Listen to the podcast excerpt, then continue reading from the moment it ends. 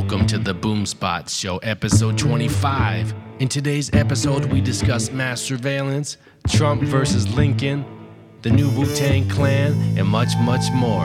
Thanks for subscribing. Enjoy the show. Hey, what's up, everybody? Welcome to the Boomspot Show, episode 25. I'm your host, Dor. I'm your co-host Tommy. What's going on, Tommy? How was your holiday? Just filled my pie hole. There you go. That's the way to do it. How about you? It was good. Good. We had the whole vegan pot pie and the stuffing. It was good. Uh, I wouldn't say I would eat it every day. It was tasty. I enjoyed it. The leftovers were so so, but you know how that goes. Was it worth the money for the amount of food you got? Would you pay like 25 bucks for the pot pie? Yeah, I mean, it wasn't crazy expensive for two or three people's worth of food. So yeah, it was fine. Yeah, it looked pretty big. Next time we do it, if we decide, we'll probably just have like standard food instead of having to get like imitation meat. You know what I mean? Mm-hmm. That type of thing. So Yeah. I'd rather just have like a healthy salad or something like that instead of something that's supposed to be something else. I like everything but the mock meats in those vegan dishes, you know? Sometimes it's over the top. I think they'd be good if they just kept out the fake turkey or the fake sausage. Just did everything everything else. Yeah, that was the most questionable aspect of the whole meal. I was like, uh, yeah, it's just not right. Yeah, you don't need it that bad. I think it's cool f- transitionally or to like help people be like, look, see, you don't need to eat real turkey. You could eat tofurkey. Exactly.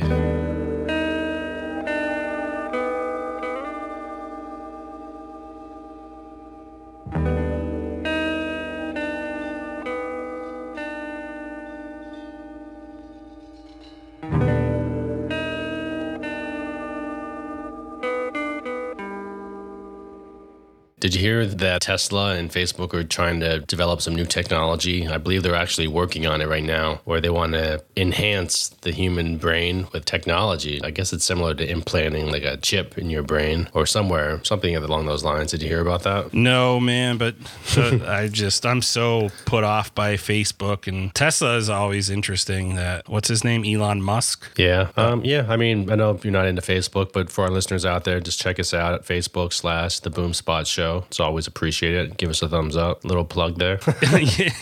I need to sign up for Facebook now so I could follow our, our show. What a hypocrite! I can't be a hypocrite. I signed up like last week for a page on Facebook, so we're there's minimal activity there, but we're building up our likes and our follower counts as we speak. Way to go, Dorian. I have Facebook Messenger. I just don't have my profile active. So It's all good, but yeah, they're doing some crazy things. Check this one out. Hello, everybody. This is entrepreneur Elon Musk announcing his new company, Neuralink. The goal? Merging our human minds with the superintelligence of computers. So hopefully, um, we can have a tertiary layer, which is the kind of a digital superintelligence layer. And in fact, you, you already have this layer. So it's your phone and your laptop. That's right, he wants to put computing devices inside us. Okay, pause. This brings us to the big question of this episode Do we want to link our minds directly with machines? For this special episode of Future You, we're talking with two big thinkers about augmenting our brains and bodies. How is the technology already available today upgrading or downgrading us? Our minds can already be networked with other ones. Our bodies can be augmented with exoskeletons. Our learning can happen in half the Good time, proper positioning, like so that you're hitting motor cortex. so long as our brains get an extra boost. The promises are exciting, but we can't ignore the pitfalls. In the race to the future, we should stop and look around for a minute. What could go wrong? How much enhancement do we really need? Yeah, how much enhancement do we really need? I like when they sell you all these things like, yeah, what about this? What about that? You know, they start questioning the whole thing they're pushing. Yeah, I don't know about all that. They're going to network people. I mean, the clip goes on. If you want to hear some of the uh, the additional stuff, check it out. It, it seems kind of like bullshit to me, but they think we're going to be able to like network our minds together to help solve global warming and all this other kind of crazy stuff. But check it out. Wait, where did you who's who is talking? Some girl. Here we go. Hopefully, I stopped this in the right place started it, but let's see what's going on with the rest of it. My name is Brian Johnson. I'm an entrepreneur and I started a company called Kernel to build brain interfaces.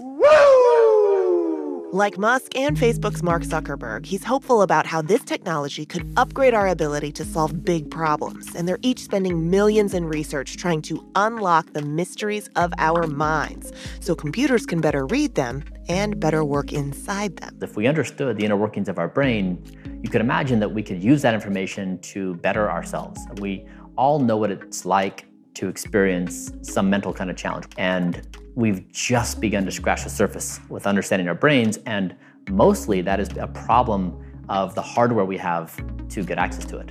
Johnson argues if we can unlock human capability and connect our cognitively enhanced brains to one another to solve problems, every other problem in the world is easier to solve.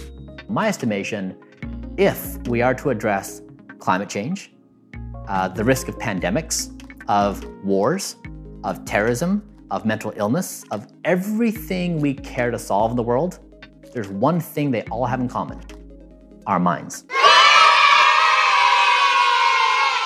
So yeah, man, we just put our minds together. We'll stop world hunger, global warming, terrorism, and mental illness, etc. That's all we have to do is Wow. throw those chips in our bodies. Let's all be human cyborgs. I guess that'll that'll save humanity, right? Yeah, I mean, I suppose if we're only using a certain percentage of our brain as it is, if we could enhance it, the solutions will be clearer immediately. Oh man, I'm not. I don't think the world's ready for whatever that is. It might be the new Apple AR goggles that are coming out next year. What are those? Augmented reality glasses, just kind of like the Google Glass thing where you throw on the glasses and you have access to basically what's on your phone or your computer, but in a way that helps you navigate through life. So if you don't know someone, if you have it set up and if it works, you could actually like see people's names and shit pop up in your glasses. That's just a guess. They never said they're going to do that, but that's like the type of things they can do. I remember a few years back there was like a viral video of were those the Google glasses? What they were like showing everybody, like somebody wearing them and all the things it would do. Like Yeah, like you could look at like a street sign in Spanish and it would automatically translate it to English in the glasses. oh my, Mhm. They went nowhere, and people in San Francisco were getting beat up for wearing them. They they called them the glass holes when they wore the glasses. So glass holes. yeah, Okay, so that what they did come in and then they went out. yeah, they were a fail. I think they were twenty seven hundred dollars or something like a pair. So it wasn't really like a mass consumer product at that point. It was just for super hardcore geeks that wanted to do it. I see. Yeah, they still use those. I think I know Microsoft has some kind of virtual stuff that they use more in like industrial places. Um, I, I heard that you could they actually have it set up where, say, if you're on a construction site, you could see in your glasses like the code and like the maps of where like outlets and power lines and things like that go. So it has a, an application in, in the real world. I just don't know if it's going to be mainstream anytime soon. Right. I see. I'd check it out if I can get like the Apple glasses for like the price of a watch or a, an iPhone. I would I would check it out and see. I don't know if How much is the Apple Watch? anywhere from I think 200 bucks up to the standard one is like around 600 bucks, but you could pay more if you want a fancy finish like stainless steel or something like the ceramic. The standard watch is 600 bucks. The Series 5 is about 600 bucks, yeah. I just don't understand. It's just like having the, your phone on your wrist. Like, what's the big deal? Uh, it's kind of cool. I mean, the new one you could actually run around and it has a cellular modem in it, so you could essentially leave your phone at home and still take calls and listen to Apple Music and run around and track your steps and your exercise with GPS. So it's essentially like a standalone unit at this point. Yeah, it's distracting in my yoga classes. All the uh, people that are bringing them into class and wearing them, they're like lighting up and Well, that's their fault. You could turn all that stuff off, do not disturb mode, and all that, just like the phone. they're like checking their heart rate and stuff during the different poses. That's cool. I mean, that's useful. But yeah, there's definitely like a theater mode you could put those into, so you don't you're not disturbing everyone. Right. Yeah, I'm all into it. I mean, I never really thought that I would like a watch until I got one. I thought it would be a pain in the ass to have all these alerts and stuff bleeping and blopping on my wrist all the time. But once you set it up and manage it, it's fine. It's useful. I like to track my steps, my my calorie burn, and all that crazy stuff. So Yeah, that's good. yeah, it gamifies everything. It makes it a little more fun if if you're OCD about it, like I am. See, like it'd be a cool gizmo to have. I just, I'm not one to wear a watch, you know, whether it just tells the time or it does all this fancy stuff that an Apple Watch would do. So I didn't mm-hmm. see the point of investing in one. I think like if I was going to spend like $500 on an Apple product, I'd probably just get like a new iPad. Yeah, I'd never wore a watch for years and years, and then I got the older Apple Watch, and I thought it was cool, and I've been wearing it ever since. So I dig it.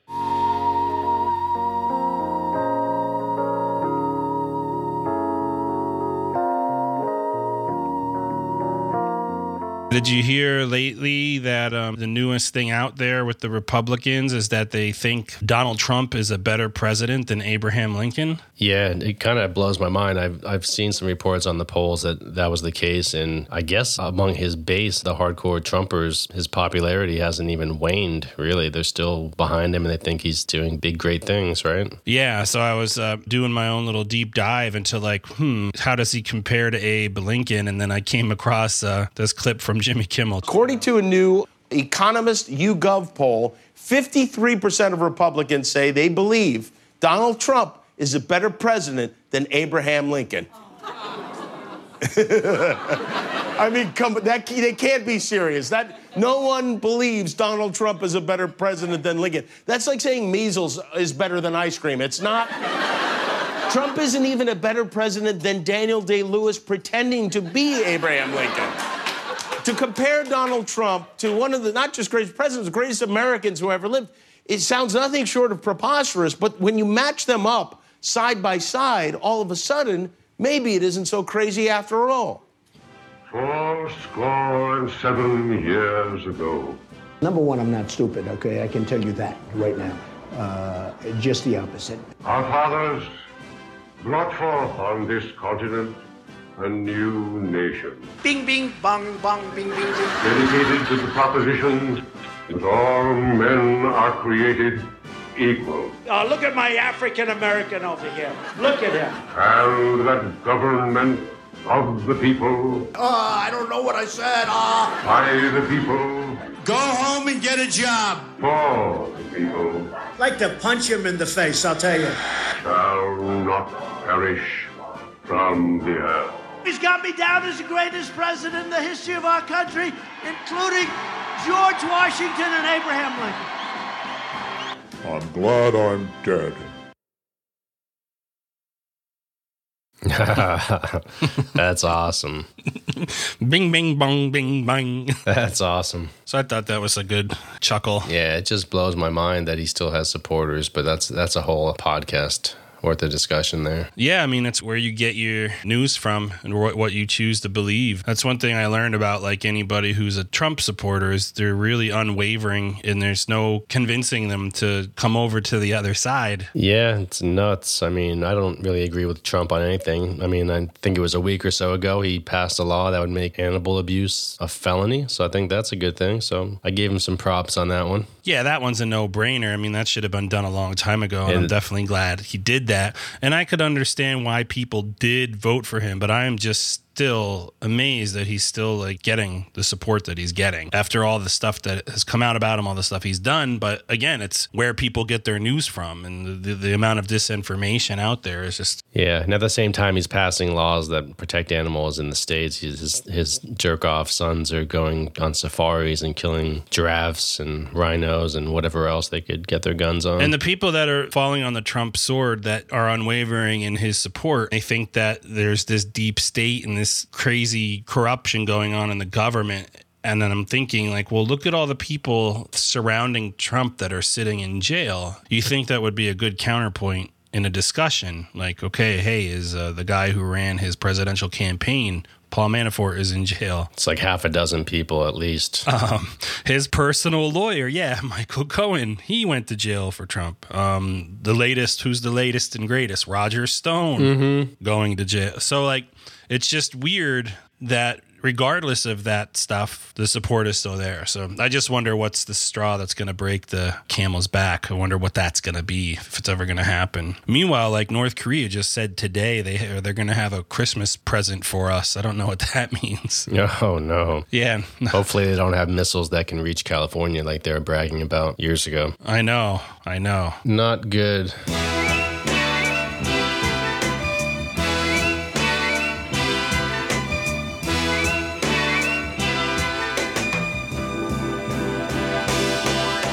Yeah, so there's a lot of controversy about Ring technology, which was acquired by Amazon. Amazon bought Ring, which is a doorbell service. And we discussed this, I think, on one of the last podcasts. How you thought it'd be cool to have a camera system in your house. You don't have one at this point, do you? An in-house camera? A Ring doorbell, basically a camera on your doorbell. No, but I, I really want one of those. I really want one. I think they'd be more useful if they had a longer range, but I guess that would be a problem. I think you have to be within 20 feet or 30 feet, something like that, to activate it. It's not like it turns on every time a car drives down the street. I guess that'd be kind of annoying. So you have to be within proximity to trigger it. Oh, I'd be totally okay with just having a decoy one, you know? Yeah, I suspect some of my neighbors have Fugazi ones. They have lights on them, but that's easy enough with a little battery, you know? Yeah, totally. A lot of people are saying that these ring doorbells are infringing on privacy, despite the claims that it's helping the neighborhood and help, making people feel more secure. It's kind of doing the opposite. I have a few clips to support that. Um, let's see, this one's kind of long, so I might cut it halfway through. Let's see here. Technology has made it easier for all of us to spy on each other. Today, we look at one device that's become popular Amazon's Ring. It's much more than just a doorbell camera. As NPR's Martin Kaste reports, Amazon is marketing the Ring as a safety centered form of social media. This Ring doorbell video is from just a couple of weeks ago. It's a front porch in Richland, Washington, and it's well past midnight. It's a young man out there, a stranger, and he's talking to himself. Uh, dude, where's Jesus? Where's he at? Inside the house, Sally Allwine is frightened. She watches him through the video stream and then talks to him through the app. What do you want? Somebody lives here that's a bot. What? He sounds confused, and then she tells him there's nobody in this house who knows him. He seems to accept that and drives away. Hours later, before the sun was up, Allwine decided to post a video of the incident. It seemed like the right thing to do. Because I think I'm helping my neighborhood. I mean, I don't know he hasn't left here to go someplace else. She posted it to Ring's social media site, which is called Neighbors. It's where people can share videos, photos, or just written reports of suspicious activity. I felt as a part of the community, you know, that I should share it. I've read other people's, and I do think it's a good tool. The purpose of Neighbors is really to connect communities around crime and safety issues so they can work to make their neighborhoods safer. Yeah, so she's basically sharing the footage of this guy knocking on her door in the middle of the night with everyone in her neighborhood who's subscribed to the Neighbor app through Ring, which that seems like a good idea to me. What do you think? Yeah, I'm I'm on a neighborhood email list in my community, and they do stuff like that all the time. Mhm. Like we just had a, uh, I guess a guy was going door to door and saying he was with ADT and he needed to come in and check the security systems, and you know a little clip of the what the guy looked like in his car and everything was sent out to the neighborhood. So anytime something like that happens, we usually get like some sort of you know pictures or footage from whoever has the best security footage. I guess they have cameras and stuff mounted on their houses. So I'm all about that. I like that type of vigilance. I think it's good, and I, that's that's a scary situation. I'm like, oh my god, this poor lady's like has this her worst nightmare come true when she gets this ring doorbell, and now somebody's out there. And I'm surprised she talked to him. I would have just called the police immediately. She was just talking to him through the doorbell, so he couldn't really see her or anything like that. No, I, I get that, but why even give up the fact that you're there and you're a female? No, but what if it was someone in distress? I like back in the days, it would be commonplace, I guess, before cell phones and all the technology. Or if you had a problem, you could knock on someone's door and they wouldn't assume that you were there to rape and pillage. You know what I mean? Well, I'm just saying, if if I'm a female, which I'm not, and if it's the middle of True. the night, which it isn't, but if it were those two factors, Mhm. but I guess it's a situational thing. If they look harmless or whatever, maybe it's a judgment call. I, I would, I would just. Not even answer or acknowledge, right? I would just call. I would immediately call the police. I would just be getting the police to my house and let them question this guy, or maybe engage him and then call nine one one. I'm just surprised she didn't engage nine one one Immediately like that? That seems a little trigger happy. I mean, it's the middle of the night. Yeah, I guess it's a little little flaky, but here, here it goes on. Let's check it out. Of course, by making the app free and open, Neighbors also functions as a kind of rolling advertisement for Ring, says Matthew Guariglia. He's a policy analyst at the Electronic Frontier Foundation. That's the brilliant marketing strategy of Ring. Getting on the neighbor's app because you're curious of what's happening on your neighborhood makes it all of a sudden seem like your neighborhood is under siege. There are suspicious people everywhere behind every fence, and you won't know that too until you get a camera. Ring videos tend to look kind of ominous, and any undergrad film studies major can tell you why. First, there's that peephole point of view, and then the low position of the doorbell camera, which makes strangers seem to loom large. Guariglia says people should stop and ask themselves how they are affected by this kind of social media. You see everything uploaded to the Neighbors app through the lens of suspicion and criminal activity, which filters it through our most insidious biases. But even if Ring didn't have neighbors, it would probably still exist in some form. There are other neighborhood apps like Nextdoor, and sometimes people even create the networks themselves. That's what happened in the Netherlands, where neighborhood watch groups share photos and videos on WhatsApp. Anouk Mols co wrote a research paper on this phenomenon, and she found that many people there like the thought of their neighbors keeping a digital eye out. But at the same time, sometimes even the same respondents were also very ambivalent about this because they said it makes me more anxious to be aware of all the things that are happening. It simultaneously makes people feel safer as well as more anxious. She says some Dutch police participate in the local WhatsApp groups, while others prefer not to. Here in the US, Ring offers police departments a way to see videos that people in a certain area have chosen to post, or to send out requests for videos that might be close to an incident they're investigating. So far, only a small percentage of departments have signed up for this. Michael Lundberg is chief of police in Edgewood, near Tacoma. This is just another tool in the toolbox for us in terms of making things a little easier in terms of legwork for certain crimes. Yeah, so that's all good. I, I have no problem with that. It goes on. I just wanted to cut it off there to see if you what you thought about that. I mean, I could I could imagine. I'm kind of like picturing like uh, Scarface, where he's like looking at the video camera of all the people outside of his house, getting all paranoid and thinking everybody's trying to come after you. I mean, if you're sitting there thinking everybody's trying to get into your house, looking at your camera, I could see how you could go overboard doing that. That's an extreme point of view, but I could imagine if if I got one of these cameras, I would have it up on my TV probably 24 7. And when I first got it, while it was still like a novel new toy, I'd be like, who's that? Who's this? You know, that'd be, that's how I would look at it. What do you think? Yeah, you'd turn into my my chihuahua.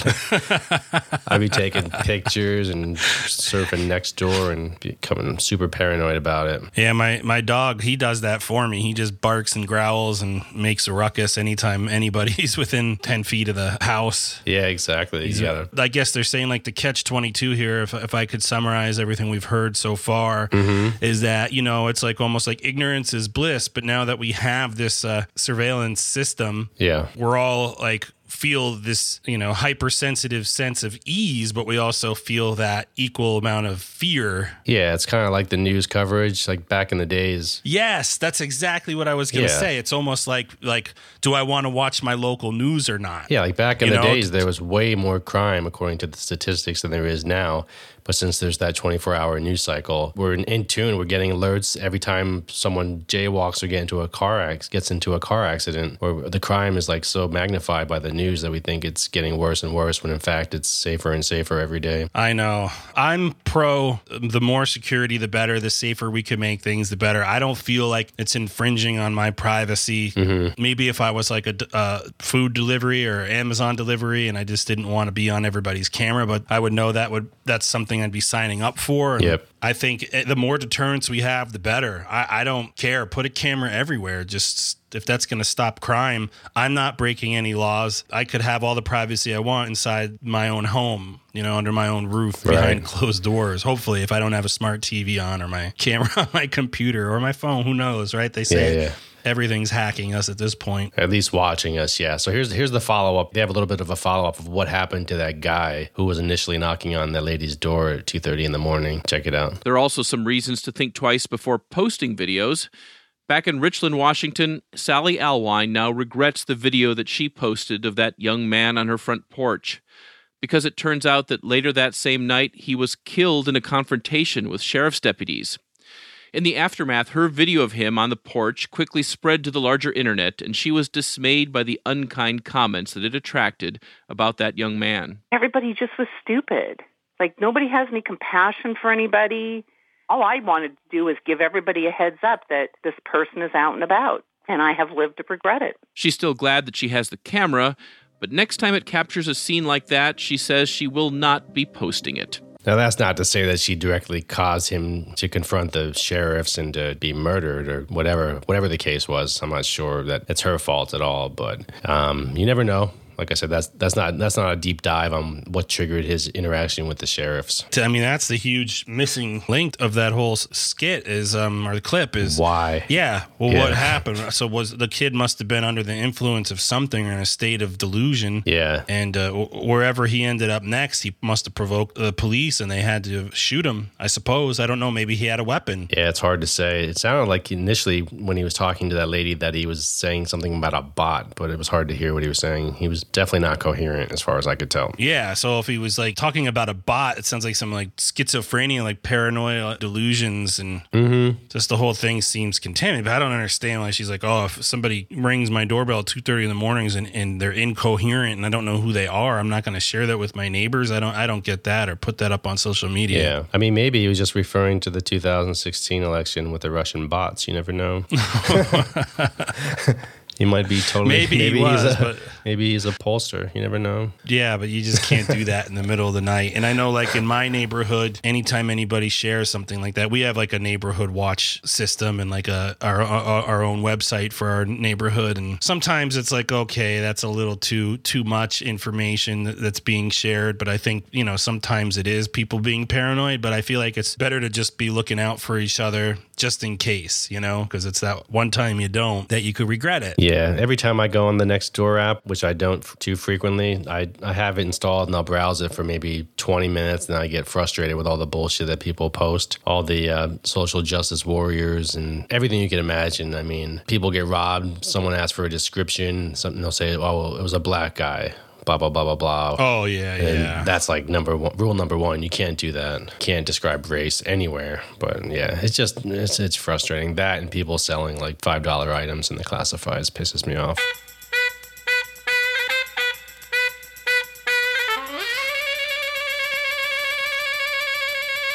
The EFF has a problem with Shaq, who's actually a new spokesperson for Ring. Who's EFF? The Electronic Frontier Foundation, which is EFF.org. They're basically out there to protect rights of people in the digital age. Just check out their website and you'll see what they're into. And they have a problem with Shaq, Shaquille O'Neal.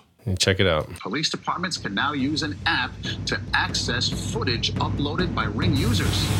The company says its goal is to eventually have every law enforcement agency in the country on its police portal. Look at that, Shaq. The whole backyard. You can Oh, see look that. at that. That's nice. That beautiful. All right, Shaq, I see you and Jamie. Go look. You've been busted. Shaq, come sit down with us one on one and hear how these law enforcement partnerships with Ring are threatening Americans' rights. People buy these thinking they're just buying a camera, but really, they're selling their own privacy. With one click, police can request footage from any Ring camera. And even if you refuse, they can go directly to Amazon with a warrant and obtain footage from your door. And it's not just your privacy, it's your friends and your neighbors' privacy too. Don't forget, your neighbor's ring camera is pointing at your house. Shaq, EFF has been fighting the surveillance state since you were at Louisiana State. We know how technologies like Ring can harm our communities. If we wanted help learning how to dunk, we'd come to you. If you want to learn how ubiquitous surveillance puts us all in danger, you should come to us. We'll be waiting. And if Shaq needs to know how to shoot a free throw, he could come to me. That's fine.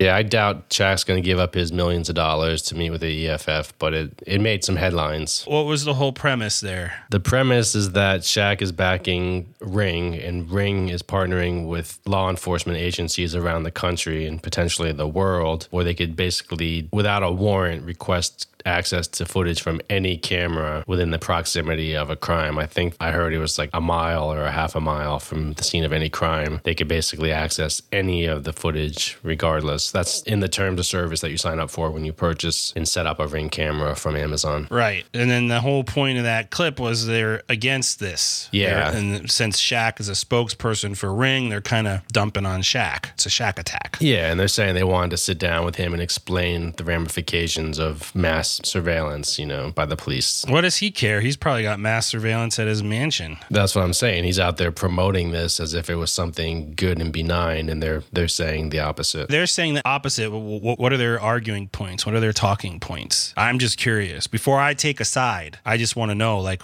what's the big deal? I mean, everybody's pulling out their phones and recording everything and everything, everybody everywhere. Whether we're talking about Facebook, uh, determining what ads you see, or something rather more concrete, uh, information today is a convenient means. It's a mechanism for attaining a certain power. And that power today is control. Surveillance technologies have outpaced democratic controls. A generation ago, surveillance was extremely expensive. There was a natural limitation imposed upon it. That is, the governments had to spend huge, extraordinary sums to track lone, isolated individuals. To know a particular person's location might involve uh, many teams of officers, both in buildings and out on the streets, uh, working in shifts. But today, that dynamic is reversed. One guy sitting in front of a monitor can track with precision an unimaginably large number of people. For the first time in human history, it's both technologically and financially feasible for governments to track and store nearly complete records of our private lives. Now, this is not science fiction. Uh, this is happening now when we look at the construction of facilities such as this, the NSA's data center in uh, Bluffdale, this was called by them uh, the MDR, the Massive Data Repository. They called it that for a reason. This was not the targeted data repository. This was not something uh, that was designed just to watch this person or that person. It's because they were ingesting everything, everywhere and saving it in case it might be of interest later, in case something came up.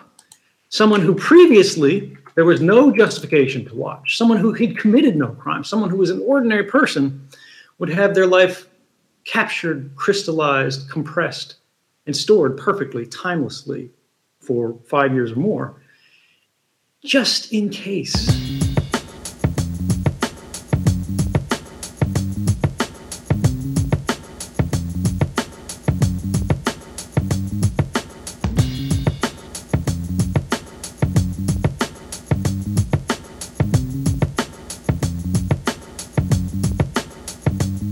Even though Jeffrey Epstein is dead and passed away in his uh, assisted suicide, there's still some stuff that's coming out that's interesting. I guess there's a lot of talk and quote unquote evidence about the people that were involved with his shenanigans. And as Joe Biden likes to say, his malarkey. Malarkey.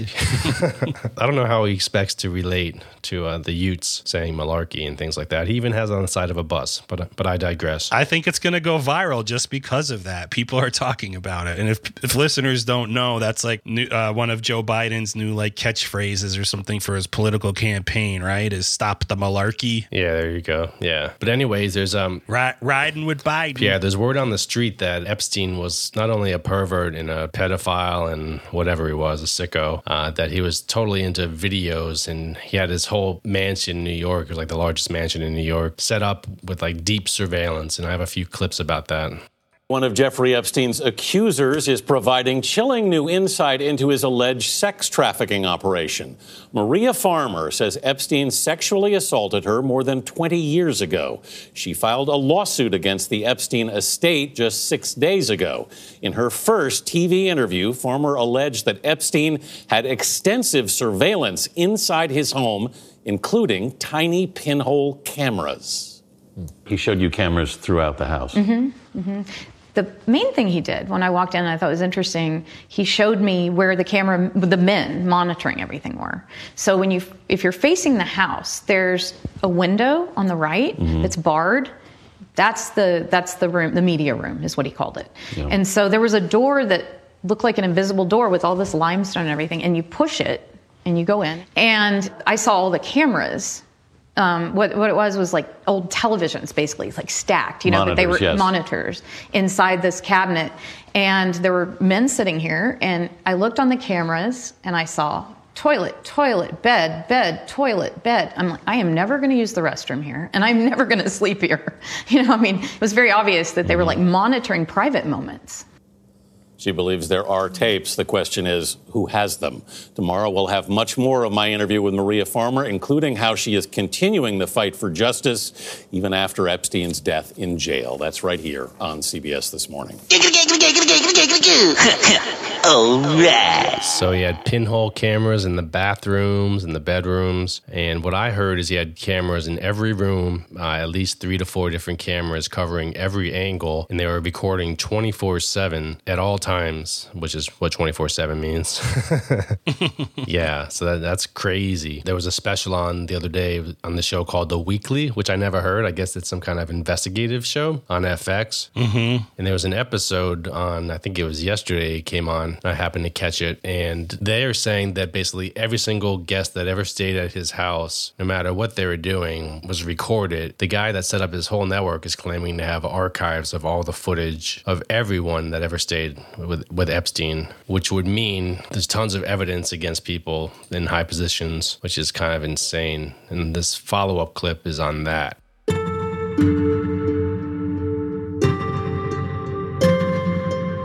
This story really began for us the day in July that Jeffrey Epstein was arrested and criminally charged with sex trafficking of minors. Suddenly, he was someone we were thinking about. One of the big questions was where his money was from.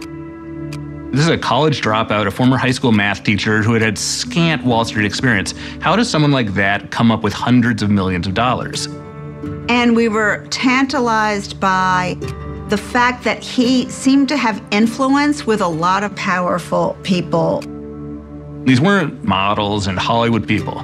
These are some of the biggest names in business and finance. They were Nobel Prize winners, Wall Street bigwigs. The list goes on and on. And we wanted to figure out why people had gravitated to him, even after he had become known as a sexual predator. And then in September, our reporters met a man who claimed to have a secret trove of information from Epstein's properties. And this is someone who had extraordinary, probably unparalleled inside access to not only Epstein, but his Epstein's digital archives. If what the informant was saying was true, it had the potential to unlock Jeffrey Epstein's most important secrets.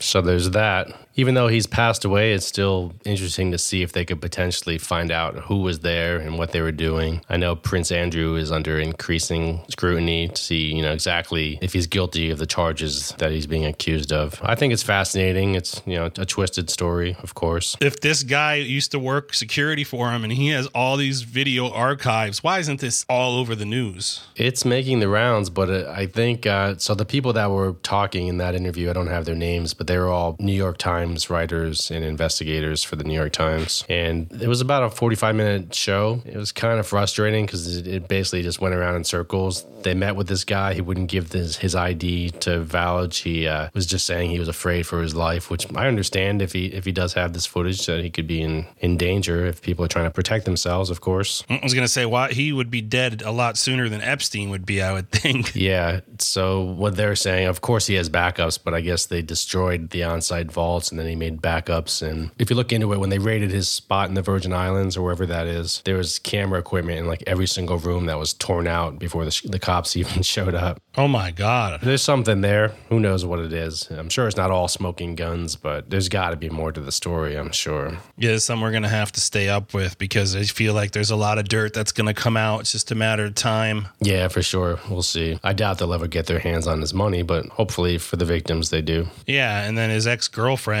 was, um, I forget her name, but she's still around. So she has to know a lot. She must have been enabling him. Yeah, the, the madam. Yeah, his, uh, yes. his enabler. Yeah, for sure. Who knows what's going to happen with her? I think she's living overseas right now in Europe but I'm sure she's on the radar of, of, prosecutors and all that good stuff. And I heard there was some like conspiracy theory, which I don't like to get into those too much or give them too much light. But they were saying because that like your clip did point out, well, there's like a lot of mystery between how he got all his money. And some people were saying he was like an Israeli operative. Yeah, I'm, I'm not sure about that. I know he got a ton of his money off of a bunch of rich dudes. He was essentially like the, in control of all their assets. Um, I think the the owner of Victoria's Secret was the main guy where he got all of his money from, and West. I think he's the guy that even gave him that house, which is kind of ridiculous. Oh wow, really? I didn't know that. Oh yeah, yeah, yeah. He was like handling all of his money and, and shit like that. I don't know how he talked him into doing it. They say he was like extorting, so you never know. There could be dirt, you know, on everybody, and that's how he, he's using that for leverage to uh, Mhm. to get all that money. So it's crazy. Yeah.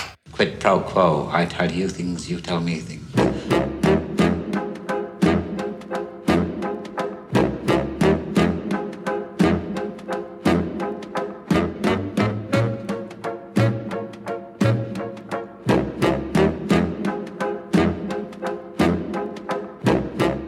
Baby Yoda time. Guess it was a, a viral thing that happened with Walmart is selling baby Yodas. I know you haven't watched The Mandalorian yet, but you'll understand this obsession Oh, you- that I have. That You didn't see my text yesterday? I sent it to you at the end of that. I said, "Baby Yoda." I watched episode two. That's all I'm gonna say. Oh, okay. So you did. I, I didn't see that text. Yeah, that was awesome. Or maybe I did. I just don't remember. So Yeah. So what happened was uh, apparently the Baby Yoda thing went viral, and, and and I was informed about that. I'm like, "Where's the Baby Yoda from? Is there a new Star Wars?" And I saw it was from that, so I decided to go back and watch it. And yeah, it was cool. I liked it. I think, like I said, I'm only on the second episode. I just got back into it after the first, and it's good. It's picking up. So like uh Walmart like had baby Yodas for sale and then they took them down and everybody freaked out on the internet and then they put them back up and they're selling like Oh, no. they're selling like a plush baby Yoda but you could order it now but you can't get it until May.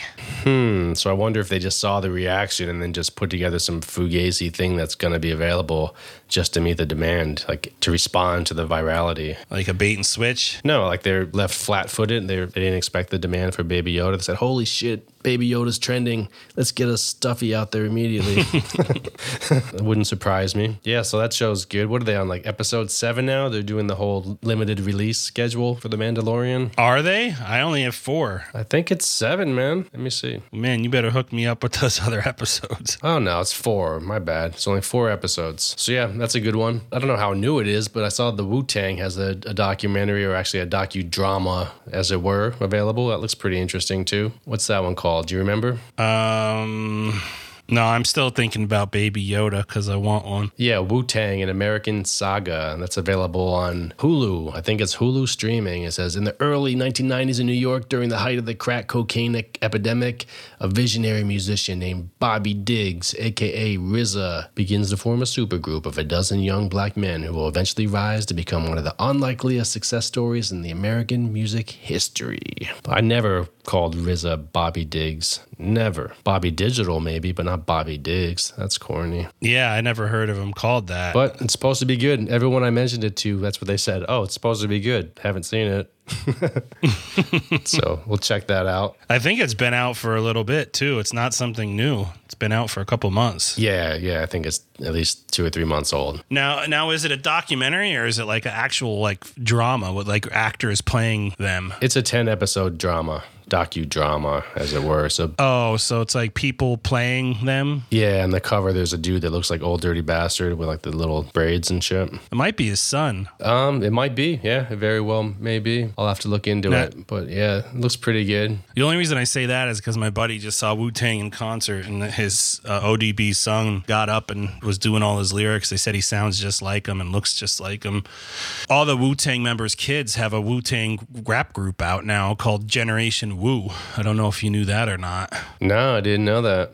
the show The Witcher is coming out on Netflix in a couple weeks, and it's based off these books and this video game that I really enjoyed playing. Has there ever been a good video game that turned into a good movie? I know Tomb Raider was really no good, right? That turned into a movie. No, people Double Dragon. people like Tomb Raider, There was a Double Dragon movie, I think, at one point. Street Fighter, Yeah. What else? Ninja Turtles. That wasn't a game, was it? No, that was a cartoon. Mortal Kombat, Yeah, I guess there's a handful of them. but they weren't really good. Yeah, they weren't I good think the- movies. The, I'm trying to think of the best ones. The best one. I don't know. Pac Man. No, that wasn't a good movie.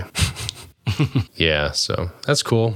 But The Witcher, I watched some of the previews. It looks really good, and it's actually getting some good hype. So I'm interested to see. The storyline was very interesting. So it's kind of like a Game of Thrones type vibe, you know. I watched The Irishman on Netflix. I thought that movie was superb, extremely good. Yeah, That was a long one. It was like three hours and plus minutes. Yeah, that was good. I liked it. You know, and it didn't bother me that it was long. I watched it in three different increments, but it, it worked for me. I, I thought that everybody was great in it. I thought there was a lot of uh, social justice warriors uh, being upset because uh, Anna Paquin's character only got seven lines, but she didn't have a problem with it she was just happy to be part of it. She auditioned for it. She wanted to be with that cast, you know, De Niro, Pacino, Pesci. Which role was that? She played um the Ira De Niro. What is the guy's name? His daughter. Oh, okay, okay. She had uh, she said seven words. She only said seven words. Oh yes. I don't know if you know who Anna Paquin is. She's pr- pretty pretty No. popular. She's in True Blood. Yeah, I don't. I would. I don't watch that. She's in X Men. She's a popular actress. And anyway, so people were upset that she only got seven words, but she's like, why? I, I wanted this role and I wanted to be part of this. Yeah, I thought it was a solid movie for sure. I didn't really know the connection before the movie of Bufalino and Jimmy Hoffa, which was kind of interesting. Spoiler alert. Well, yeah, it was a little bit before our time, so it was really cool to kind of get all those little tidbits and learn a little bit more, other than the fact that we knew Jimmy Hoffa was a Teamster and a union guy, and he disappeared. And of course, we knew the Bufalinos because we grew up around. Yeah, his house was uh, in Pennsylvania, a couple blocks from where we grew up. Yep. But yeah, a good movie. The ending hmm, was a little slow at the end, but I guess it was a nice crescendo or whatever the word is, you know, to take the movie out. I'm not saying anything. Well, don't spoil it. Don't spoil it for people. I'm not saying. All I'm saying is the movie ended. And that's all I'm saying. Yeah. I watched it in one sitting. I powered through it like a man in one three hour sitting. Yes, sir. You should get some kind of uh, award for that. this episode is sponsored by Depends. Yeah, right. I mean, I thought that was a risky move by Netflix. I mean, it's a Scorsese film and all those legendary actors De, De Niro, Pacino, Pesci, Keitel. Who else? I'm pretty sure it was released to theaters for the first week before it hit Netflix, and I think that's to meet the the requirements of the Academy to be considered for nominations. well, I just saw that it got. Um, let me read it to you here if I could find it again. The Irishman tops this year's National Board of Review honorees, getting a lot of accolades early on. I thought it was interesting in the first couple lines in the movie. They they mentioned Pittston, Pennsylvania, which is what is it, the tomato capital of the United States, right? Yeah. Yeah, they have their tomato festival and all that good stuff. Well, it used to just be a bunch of Italians. I don't know what it is now, but it still has its, you know, deep roots in Italian heritage and culture. The reason we're bringing up Pittston is because it's very close to where we grew up. I actually lived there for a few years. I think they still celebrate Columbus Day. It's not Indigenous People Day there in Pittston. Oh, I'm sure. uh, well, everybody's happy that uh, Trump gave the people back Thanksgiving. I think they changed it to Friendsgiving. Isn't that what it was? Oh, is it Friendsgiving now? That's what I saw all over the social medias. Who knows? What else we have? Anything else that was interesting streaming wise? to close on the Irishman, I really enjoyed it. I feel like they don't make movies like that anymore that just have good acting, good directing, and good story that feel like an actual like masterpiece of a movie. So it was really cool to get that. Again, brought me back to like, you know, it just is like a perfect mix of like Goodfellas and Casino and all those other movies. Yeah, I was gonna say it had that feel of the way it was cut to Casino and all those good movies. Yeah. Lots of cameos. I noticed a couple guys from uh, the Boardwalk Empire show. I don't know if you did. Yeah, there was a ton of people. Yeah, for sure. I enjoyed it. Yeah, some people I, I spoke with thought it was horrible. I don't know why. Because they don't have an attention span. Maybe they thought like the why. writing was trite and predictable, and they thought Scorsese was going back on his old formulas and shit. But if it's not broken, why fix it, right? Yeah, I mean the guy's only a legendary director. Yeah, I think he, he knows what he's doing. Right. All right, I guess that does it. Thanks everyone for checking out the Boomspot Show, episode 25. I'm your host, Dor. And I'm your co host, Tommy. Check us out on all the social medias at The Boomspot Show and TheBoomSpotShow.com. Peace. Our country is in serious trouble. I'm focused, man. Listen to this. All right, Dan. Listen to this.